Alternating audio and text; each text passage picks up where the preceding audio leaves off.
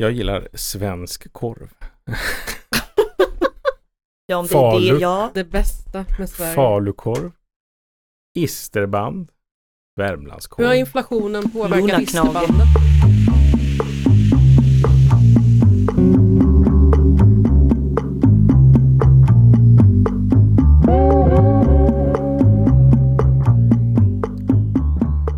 Hej och välkomna till kommentariatet, Sveriges främsta oppositionspodd får vi säga.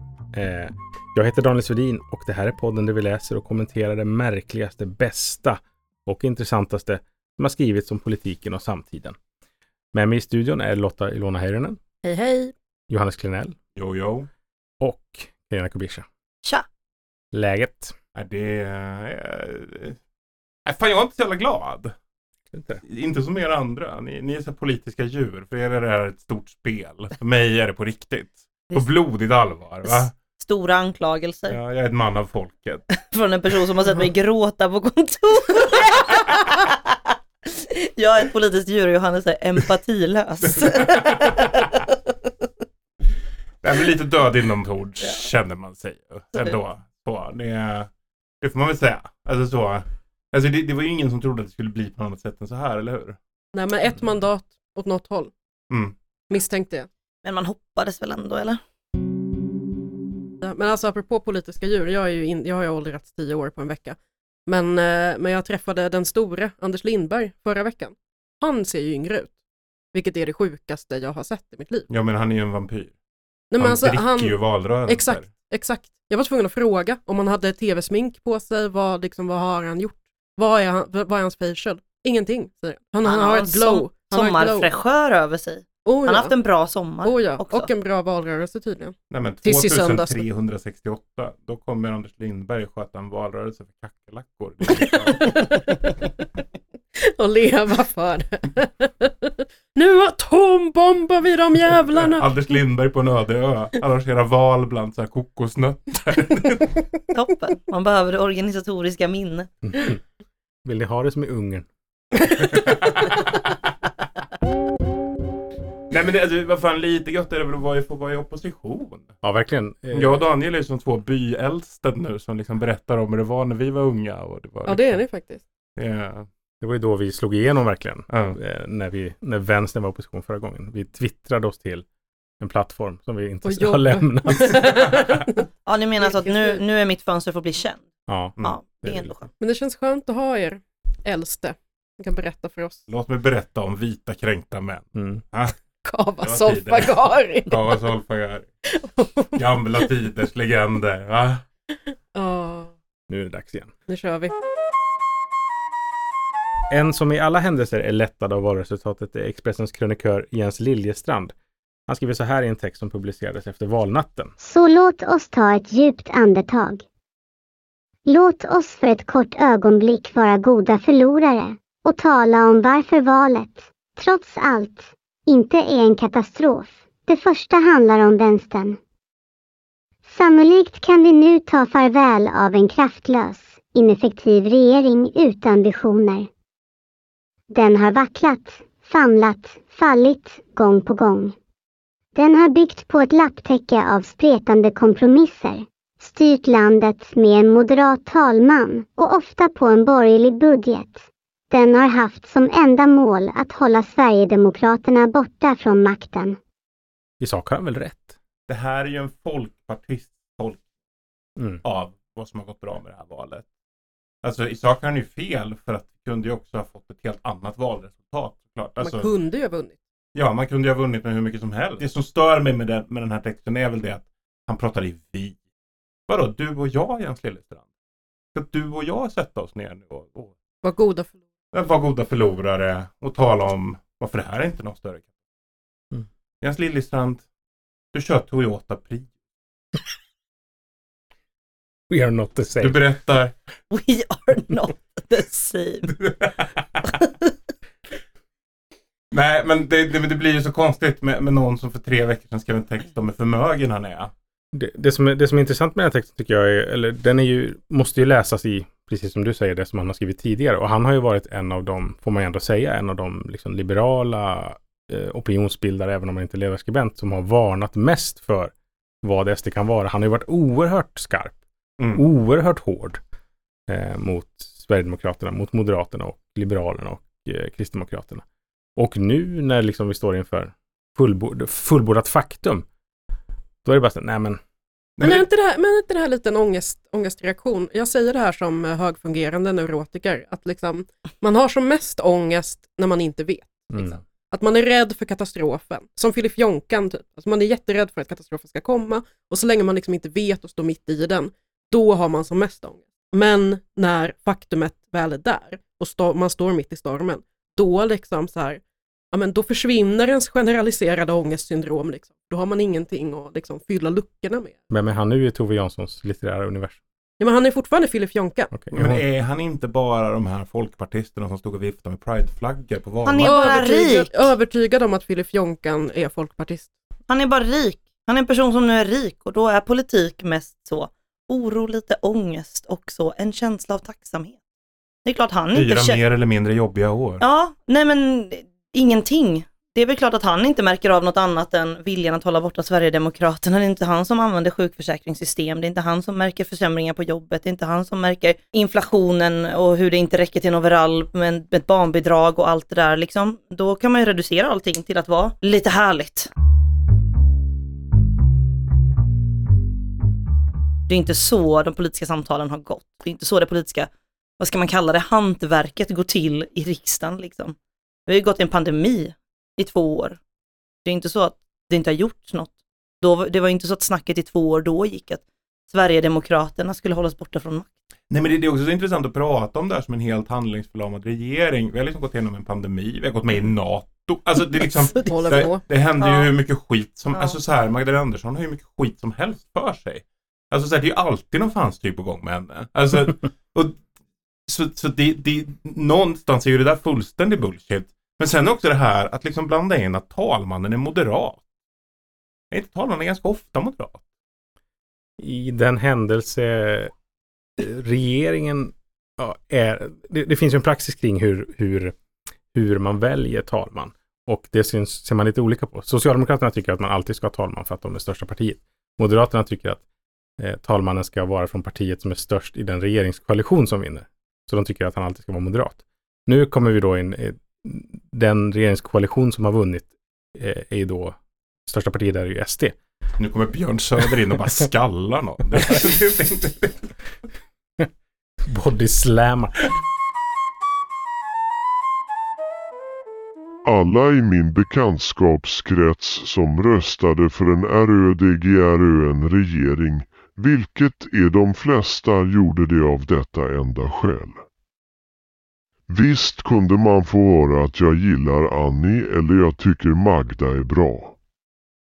Men ingen ingen tror på allvar att regeringen är förmögen att lösa något av de samhällsproblem som får halva befolkningen att acceptera SD som regeringsunderlag.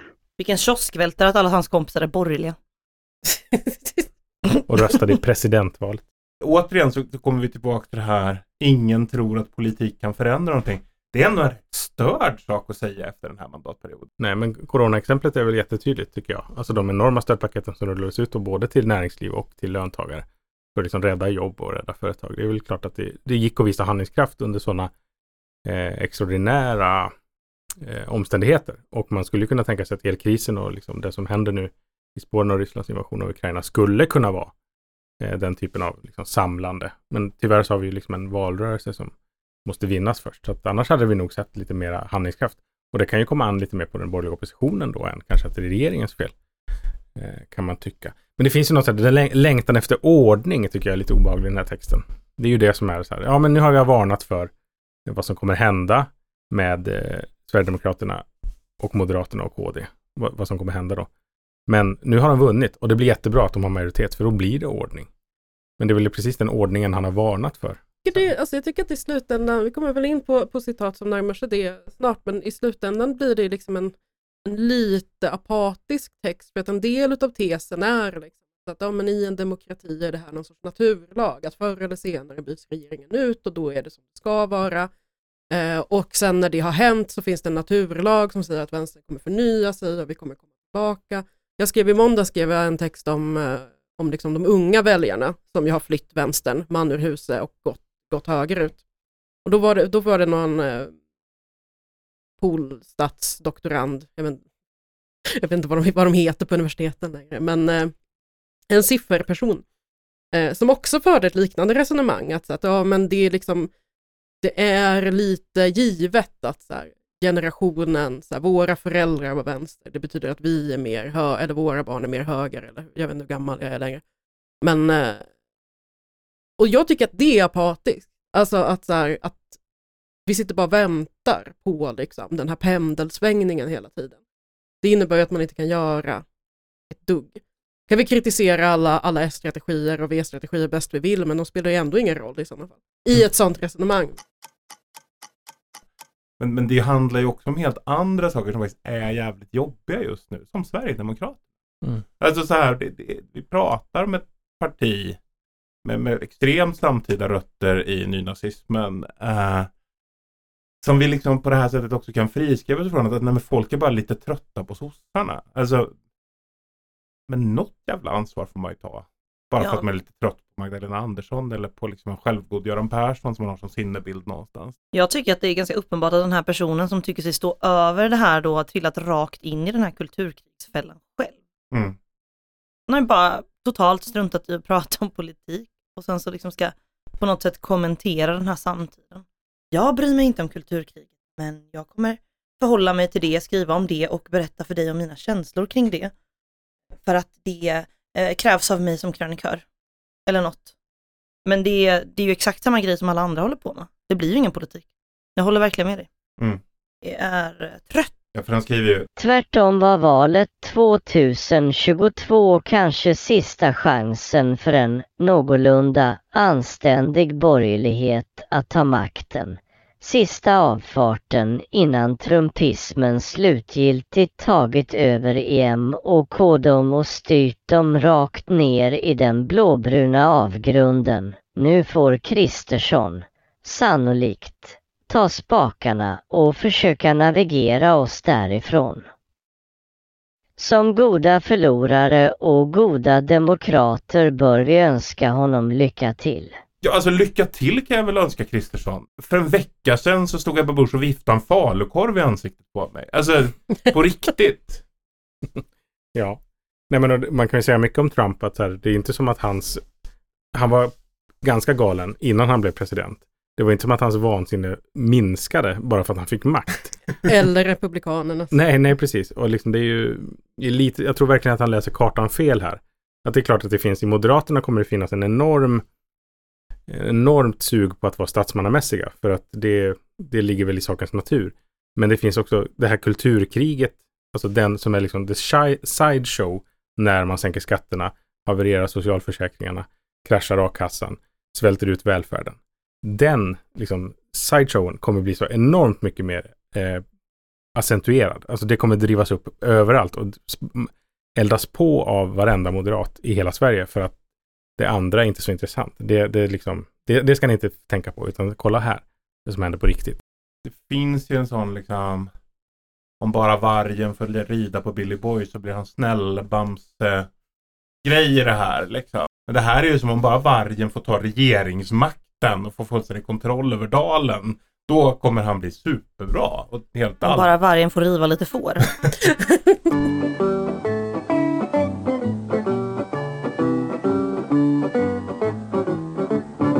Alltså drivkraften i SD tänker jag är extremt mycket revanschism. Det handlar inte om att säga, ja nu har vi vunnit och det är tack för det, nu ska vi göra politik. Utan de kommer inte nöja sig med förrän alla vi som har liksom retat dem, hånat dem, eh, i deras uppfattning då, kränkt dem eh, under tio års tid, och, eller ännu längre, på något sätt ber om ursäkt eller liksom städas bort ur den offentliga debatten, försvinner. Och liksom att alla ska veta att vi hade fel. Eh, Och veta hur. Ja, Hängd i precis. Finspång för några taskiga. Ja, och i de här valkompasserna så har det ju varit en fråga som har varit så här, hur ställer du dig till det mångkulturella samhället? Har man då gått till val på ett eh, kulturhomogent samhälle? hur ska Sverigedemokraterna nå dit? Vad är det för politik? Mm. Eh, och om det är det som har eldat upp drygt 20 procent av svenska befolkningen, då blir det ganska tufft att ena ett land. Så jag önskar verkligen Ulf Kristersson lycka till.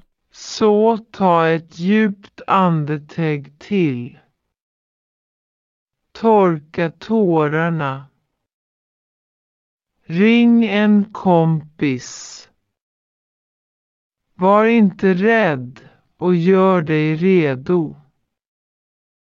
För det är inte nu det tar slut.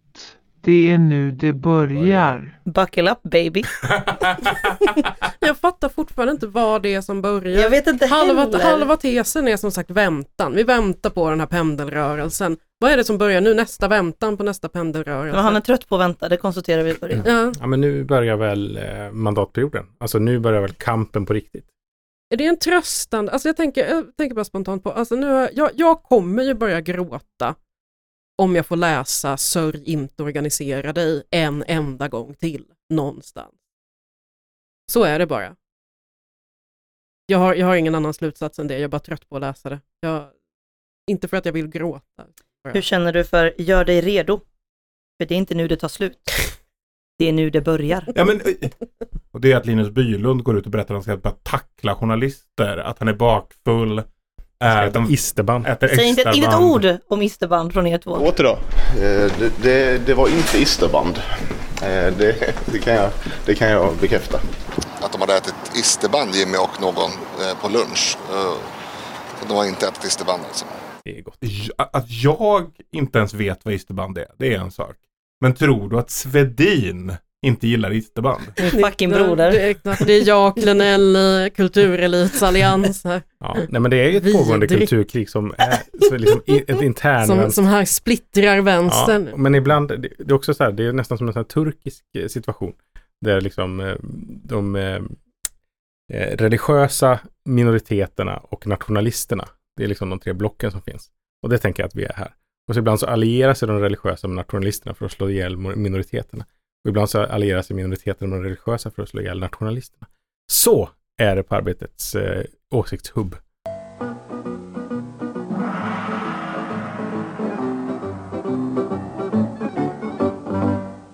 Allt, allt ökar i pris. Men vet ni vad som ökar mycket i pris just nu? Kål! Vitkål! Jaha. Jag är upprörd. Ja, blöjor tänkte jag säga. Jaha. Inget av det här, det där är alldeles för fittiga saker för att någon skulle lyfta det i en valrörelse tyvärr. Ja. Vitkål och blöjor. Vitkål och blöjor. Ja, kanske blöjor. Det är ändå... Viktiga saker. Ja. Fick kvinnofrågor. Ja, ja. Vi har olika definitioner av vad fittig är, Jag men tyckte också vitkål är det Men jag- stabilaste vi har i det här landet. inte längre. Riktiga karlar äter vitkål, ja, det är det är, säger. trygg, det, är trygg, det är trygg resurs. Har jag alltid tänkt. de veganernas gick fel. upp för 50 procent. Det här är mitt hjärtland. Jag slåss för vitkålen.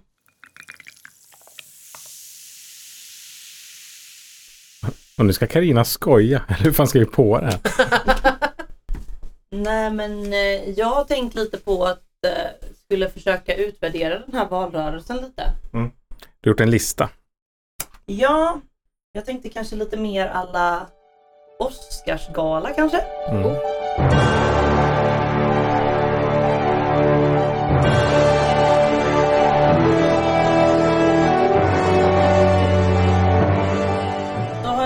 Liksom gjort en liten lista där vi ska kora vinnare i olika kategorier och plockat fram.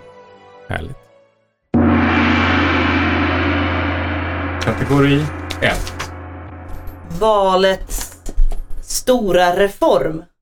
Det är att Ulf Kristersson har lovat att han inte ska höja en endaste skatt på 100 dagar. Wow! wow. Nej men jag har letat och letat och känt liksom att det har varit som konstaterat ganska lite politiskt innehåll. Men den här är den mest konkreta.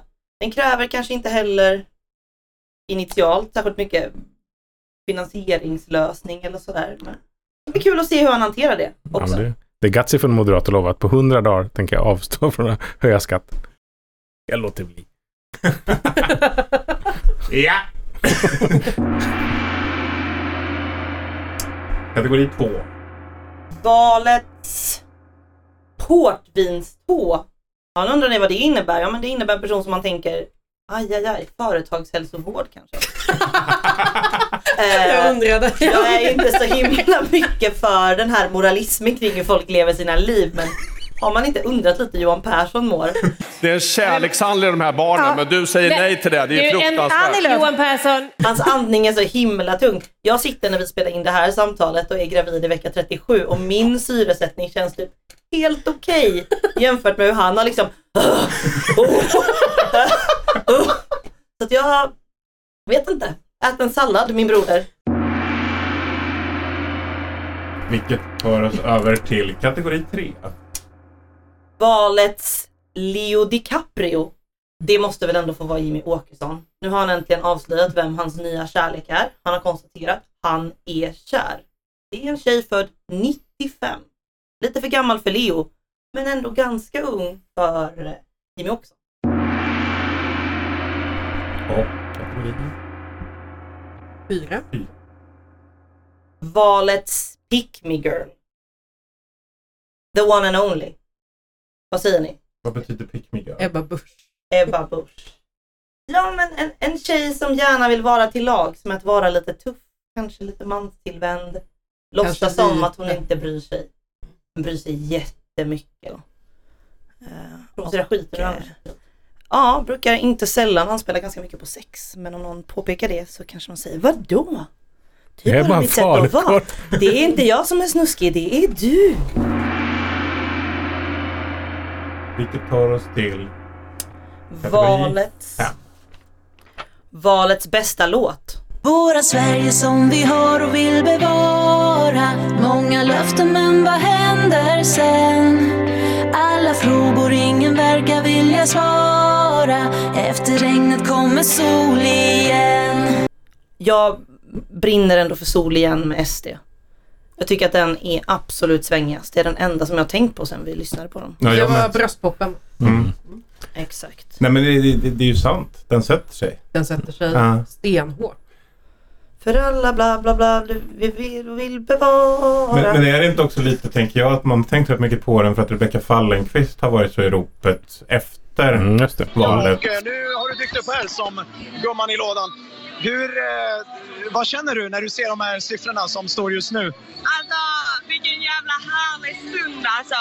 Det är alltså helgseger. Det är en segerhelg för SD. Det är en segerhelg. Det är, seger, det är ett segertåg. Det är ett segertåg och det är segerhelg för oss på SD.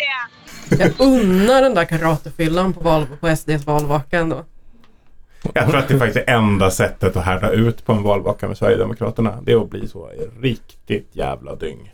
Det, jag tror att det brukar vara, det, br- brukar vara regeln på alla valvakor. Jag var tyvärr i tjänst så att jag var, Mm. var spiknykter genom hela Alla, sossarnas. alla var ju spiknyktra på sossarnas valvaka kändes. Åh kan- nej, okej, åh okej. nej.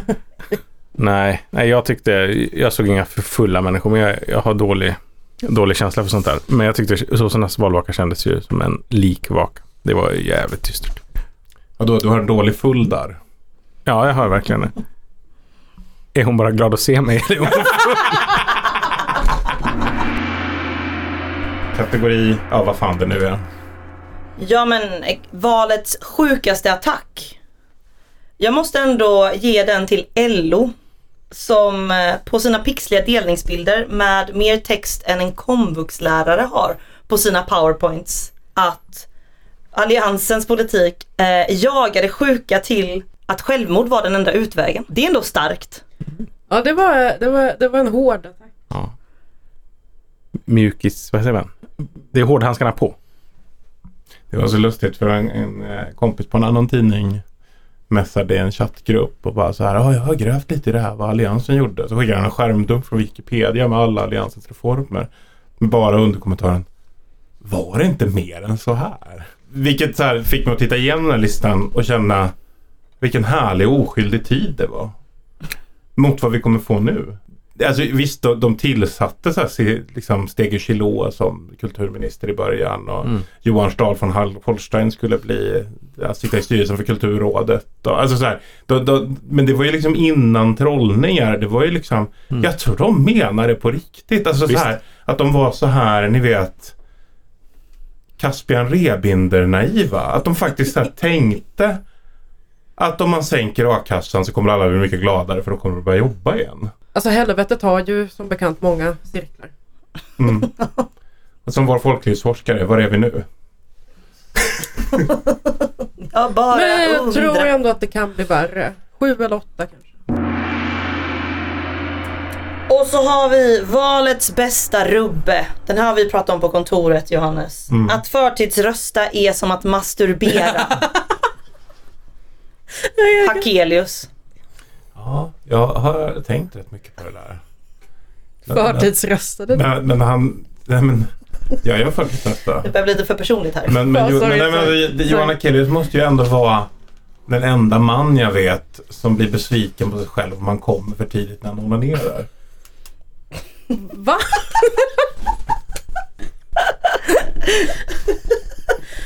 Ja. Kan, kan du repetera det där en gång? Nej men alltså själva syftet med att onanera är ju inte att ligga där och dra idag. Det är faktiskt att få utlösning. Alltså att komma. Eh, att han då tycker att det är prematur. Alltså så här, jag fattar ju att en prematur utlösning när du ska liksom tillfredsställa en annan människa. Det är jobbigt. Är du säker på att min okej. fråga var för personlig? Men, Men, men, alltså, men om du ska... målet är... Nej men du ska ju bara tillfredsställa dig själv. Det gäller att göra det snabbt och effektivt. Målet är målet. Och Ja. med sex är resan målet. Ja. Ja. Och, det, och det skiljer ju sex och onani åt och det är där hans liknelse faller också.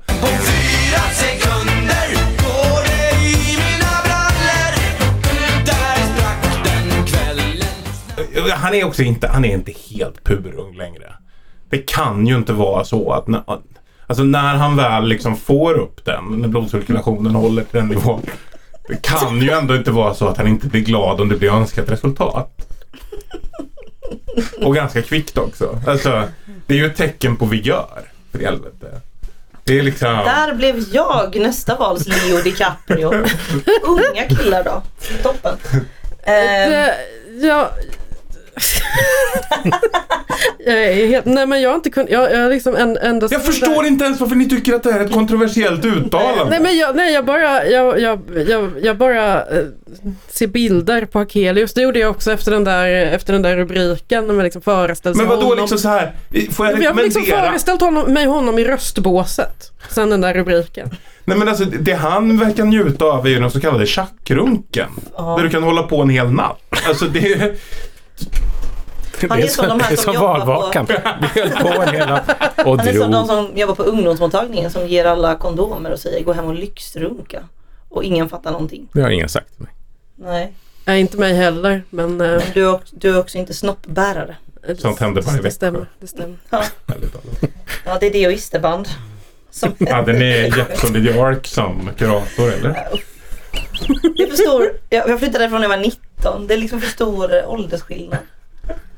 Men han hängde, han var ute mycket. Jag tror att han kallades för han som är pappaledig. Finns det en för stor åldersskillnad? Absolut. När det Ark i Växjö? Absolut. I Norrköping hade vi ingen sexualundervisning. Så. Nere i Markus Krunegård. Exakt. Plur.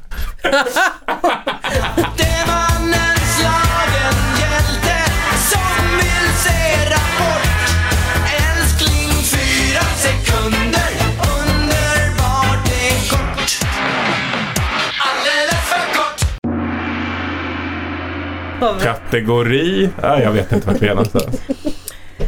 Valets knäppaste valaffisch. Nu får du hänga med här. För det tog mig lite tid att förstå den här. Jag vet inte om jag har förstått den. Strömförande stolpar på lekplats är livsfarligt. Men det finns fler problem. Det här är ju en onanist också. Det hör man. Patrik Jämtvall, Liberalerna i Örebro kommun. Han, han, han- tar problemet på allvar, han hör dig. Men han vill också att du ska höja blicken. Ja, hur ska man ta den där syftningen? Den är bara så fruktansvärt smal också. Och det visar ju ändå på Det känns, ju som, självförtroende. det känns ju som att man behövt ha läst Nerikes Allehanda ett tag för att förstå liksom att problemet med strömförande Eller stolpar läs den där på... intervjun med Patrik Jämtvall där han säger att han älskar elektrifierade barn. Säger han det? nej, nej, nej. Ja. Jag vet inte. Jag, jag, jag läser ju aldrig Närkes Allehanda, jag spekulerar. Jag så Men det känns ju lättlurig. lite småstadshärligt att det också är strömförande stolpar på lekplats. Mm. Inte på lekplatsen, inte på lekplatser. På lekplats. Den enda. Jag tycker att det är vilken nyfikenhet i mig. Jag undrar vilken lekplats? Ja. Är det dialektalt? Är det en specifik plats? Vad är det jag missar? Vet inte allt örebroare. Jag är inte förvånad om de har smält upp ett par strömförande. alltså, det. Som, Men det, det, det, det är extremt klåperi i stadsplaneringen. Ja, det, är, det är ett misstag man inte vill ha på, på CVt, att man satt upp en strömförande stolpe på lekplats. Det kan ju också vara så att lekplats låter ju som att det skulle kunna vara en ort i Närke. Det finns en strömförande påle. Den är livsfarlig. Ta bort den. Men det finns andra problem också. Precis. Men- Haha, landsbygd. Kategori. LOL. Ja, jag vet inte. valets finaste valaffisch. En som jag tyckte ändå var lite framåtsträvande och gullig. Kultur och nattliv för ett levande Haninge. Mm. Urban Axmark, se i Haninge kommun. Det finns inget nattliv i Haninge. De har ett jäkligt fint kulturhus ändå faktiskt. Ja, Verksamhet noll koll, men eh, det är ett fint hus. men de har ingen krog som är öppen. Kategori. Valets bästa moderering. Martin Ådahl!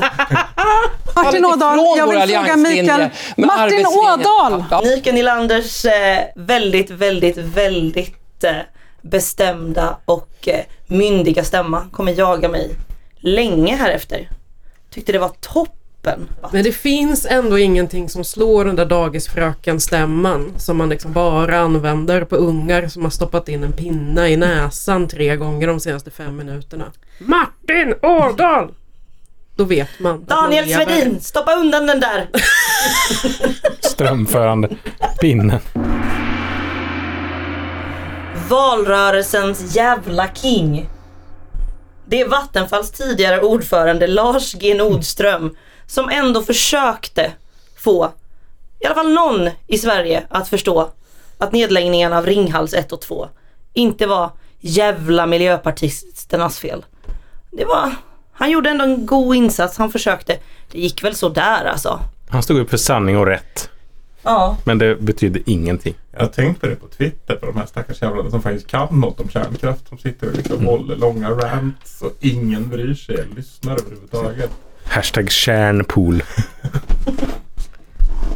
Nej men det måste vara så tragiskt liksom. Att det här, så här, du har du lagt ja, men, tio år av ditt liv på att studera till någon sorts fysiker för att liksom så här sitta och jobba med liksom ja, nukleära frågor eller vad fan det heter. Och så liksom blir du bara så här utkonkurrerad av Chang Frick. Kategori Valets absurdaste. Då har vi ett par stycken där. Men vi måste ju ändå börja med eh, Magda-Märta Löfostar. Vem är det undrar ni? Jo, det är den lilla grisen som Ebba Busch viftade med på scen. Som bodde i en liten säck. Men jag undrar, för det är grisen i säcken. Mm. Så mycket fattar jag. Men jag också fattar det som att falukorven var i samma säck när hon höll de här anförandena. Eh, så finns det en koppling mellan grisen och falukorven? Finns det ett slakteri i säcken? Det är mörkt. Det är ändå sjukt om hon har varit ute och Joe ber och trollat. Lucky Lucky. Titta nog.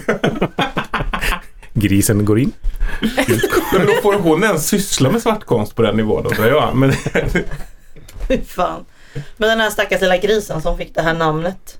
Det är ett bra namn tycker jag. Mm. Magda-Märta Löfostar. Man förstår ju what she's getting at. Men Ja, det men det, var rätt absurt. Eller? det är lite som, det är, bar, det är lite barnsligt. Det är som, som när man själv skulle göra skojnamn som barn. Eh, till exempel om man skulle skapa en, en kvinnlig karaktär. Som heter Daniel. Det blir Daniela. Det här är ett oerhört... det- Vi klipper, klipp bort mig. klipp bort det jag säger nu. Det här är för Berätta konstigt. mer Daniel. Abstrakta varelser, hur du kvinnor döpte för Daniel. kvinnor som barn. Nej, klipp bort det här, tack. hur du döpte kvinnor som barn. Vad fan är det för liksom, någon sorts anklagelse? Nej men det är ingen anklagelse. Vad är det för perversitet? Nej, Jag gick runt och döpte kvinnor. Det, det är en psykoanalytisk fråga. Jag var en street pastor. Men sen har vi eh, som sagt falukorven som du var inne på. Ganska Mm. bisarr. Och du, sa, du sa Daniel, ja och nu Johannes också. Bushkortet. Det hade du redan glömt vad det var för någonting. Carina. Ja, det hade jag. Ja, nej, men det är ju då det körkortet som nu kommer införas av den här regeringen. Som bara som 16-åringar får ta om de kör bilen på hjärtlandet, eller i hjärtlandet kanske man säger. Jag undrar om det kommer vara en sån Voi-karta. Att det liksom kommer vara så gröna och röda områden där skloppar. 16-åringar får köra. Här får en 16-åring inte köra och parkera. Men här får de. Ja, men jag ser fram emot liksom den poliserna som ska jaga. Nu, får ni åka, nu är ni i tätort. Ni ska ut i hjärtlandet och köra. Där får ni åka, här får ni inte åka. Det kanske är en del av klimatpolitiken också. I dessa områden kör 16-åringar. Alla åker runt eller låter bli. Alla gymnasieskolor kommer hamna på lands och glesbygd nu.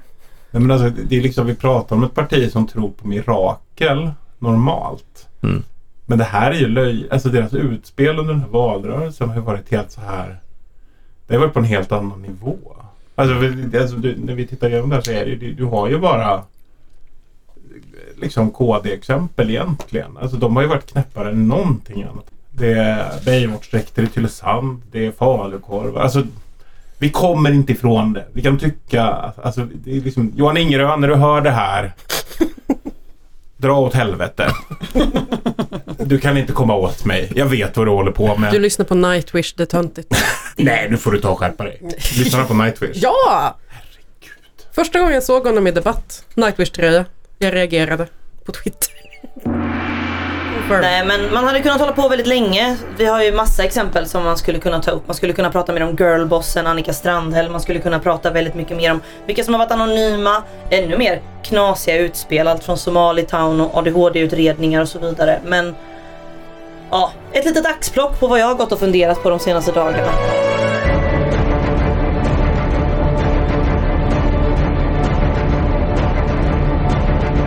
Nu har vi ju pratat om valrörelsen. Mm.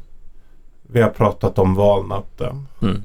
kanske ska prata lite om vad som har hänt efteråt som är lite mer i, i samtid. Inte liksom eftervalsanalyser och så. Nej. Den, den, den stora grejen bland journalister Mm. måste väl ändå vara Linus Bylund. Ja. Sångare i Korpöga.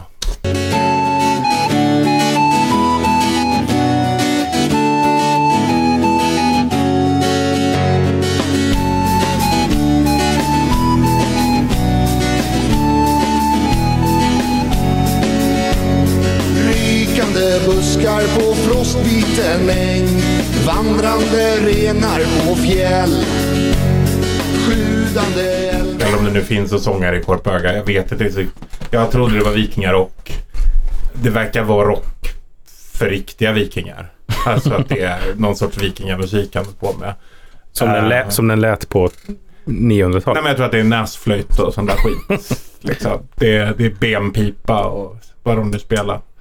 Uh, nej men det, det, hans uh, utspel om journalistrugby. Jag har ju liksom inte sett till Linus Bylund på flera år. Så jag var lite förvånad över att han liksom han fick en så central roll som han fick. Och att liksom Jimmy Åkesson kastar fram isterbanden. Han står och pratar om hur bakfulla är efter valvakan. Alltså och framförallt just det här att de bara vägrar svara på journalisters frågor. Ehm, mycket jobb antagligen. Eh, och mycket av det som vi kallar för journalistrugby. Vad med det? Ja, att man knuffar journalister. Lite klent kan jag tycka liksom utav alla att reagera så hårt på det. Men sen så kommer ett utspel från Peter Wemblad. Han kom ju liksom som ingenstans, från ingenstans och började med att skriva om att I den sistnämnda delen av Centerledarens privata mediekoncern är det senaste inlägget en film där följarna får titta på Annie Lööf när hon tittar på och recenserar sig själv. Inspelade snuttar från det senaste decenniets partiledardebatter. Att i 19 minuter se en statsministerkandidat bli påtagligt både imponerad och känslomässigt berörd av sina egna framträdanden framstår som den största mediala självsmekningen sedan onanikojan i Big Broterhuset i början av 2000-talet. Uh, eh, det var hans liksom genombrott som ledarskribent. Alltså jag antar att han är liksom den nya sluggen när Ivar Arpi försvann ur det gardet så behövde de få in en ny som liksom körde på lite och då blev det Peter Wemblad. Han går i alla fall ut igår, gick i alla fall ut igår och skrev Fler politiker borde vara lite mer respektlösa mot journalister. Journalistrugby är inte ett hot mot demokratin. Det är ett nålstick mot en yrkesgrupp med uppblåst självbild. Och där, där kunde jag liksom så här, jag kunde känna i alla fall att oavsett om han har rätt eller fel, rent kollegialt, är inte det här en jättekonstig sak att säga? Om du jobbar på en Jo. tidning. blir halvdan stämning vid kaffemaskinen efter en sån grej. Ja. Det är också roligt att den, den, första, den, den första och enda journalisten jag sett honom eh, hon backa upp eh, Wennblad är Stig-Björn Ljunggren, eh, ledarskribent på, på Sydöstran, oberoende socialdemokrat. Och det finns någonting speciellt med att det just är Wennblad och Stickan Ljunggren som kallar andra journalister för uppblåsta. Ja, ja det har något. Eh, nej men jag, jag, jag tycker lite grann som du att när jag såg att folk var så upprörda på Bylund för, först så tyckte jag att det var kanske lite överspänt. Mm. Eh, det är klart att han, han vet väl också att när jag säger så här så kanske en del blir arga och så blev folk jättearga på det. Men jag tycker att det är, alltså när man är ledarskribent så är man ju trots allt, det kanske man inte tänker på, men man är trots allt journalist. Och det finns många journalister som inte har det jättelätt när de gör sitt arbete.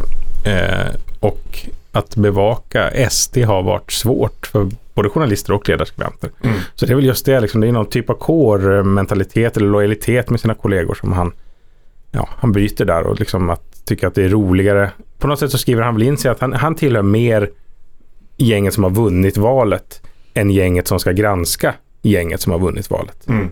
Eller som ska ha synpunkter på gänget som har vunnit valet. Ja, ja för, för även om du är ledarskribent och alltså har en politisk mission så är det ju lite som, om man ska vara lite krass, som att vara självständig fackförbundspress. Mm. Att ens uppdrag är ju inte bara att skriva om fackets frågor utan också att bevaka facket åt fackets medlemmar. Mm. Alltså, och det är ju lite samma sak för liksom, en självständig socialdemokratisk ledarsida eller en självständig borgerlig ledarsida. Att, att man är ju inte underhuggare. Man är ju inte liksom en röst på det sättet som är styrd av partiet eller som kommer uppifrån.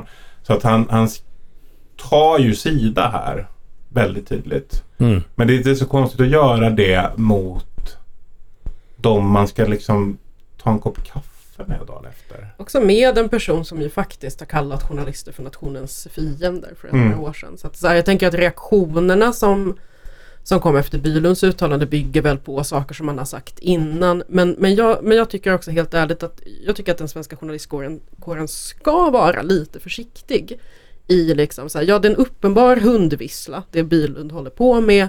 Det är liksom någonstans en trollning men han kommer alltid kunna vifta, alltså SD kommer alltid kunna vifta bort den här typen av liksom på gränsen mellan raderna uttalanden Mm. som höhö lol, eh, d- varför, varför bröstar ni upp er för? Och problemet tror jag, Så jag tror att man går i lite samma fälla som amerikanska journalister gick i när man reagerade på precis allting som Trump sa när han blev president.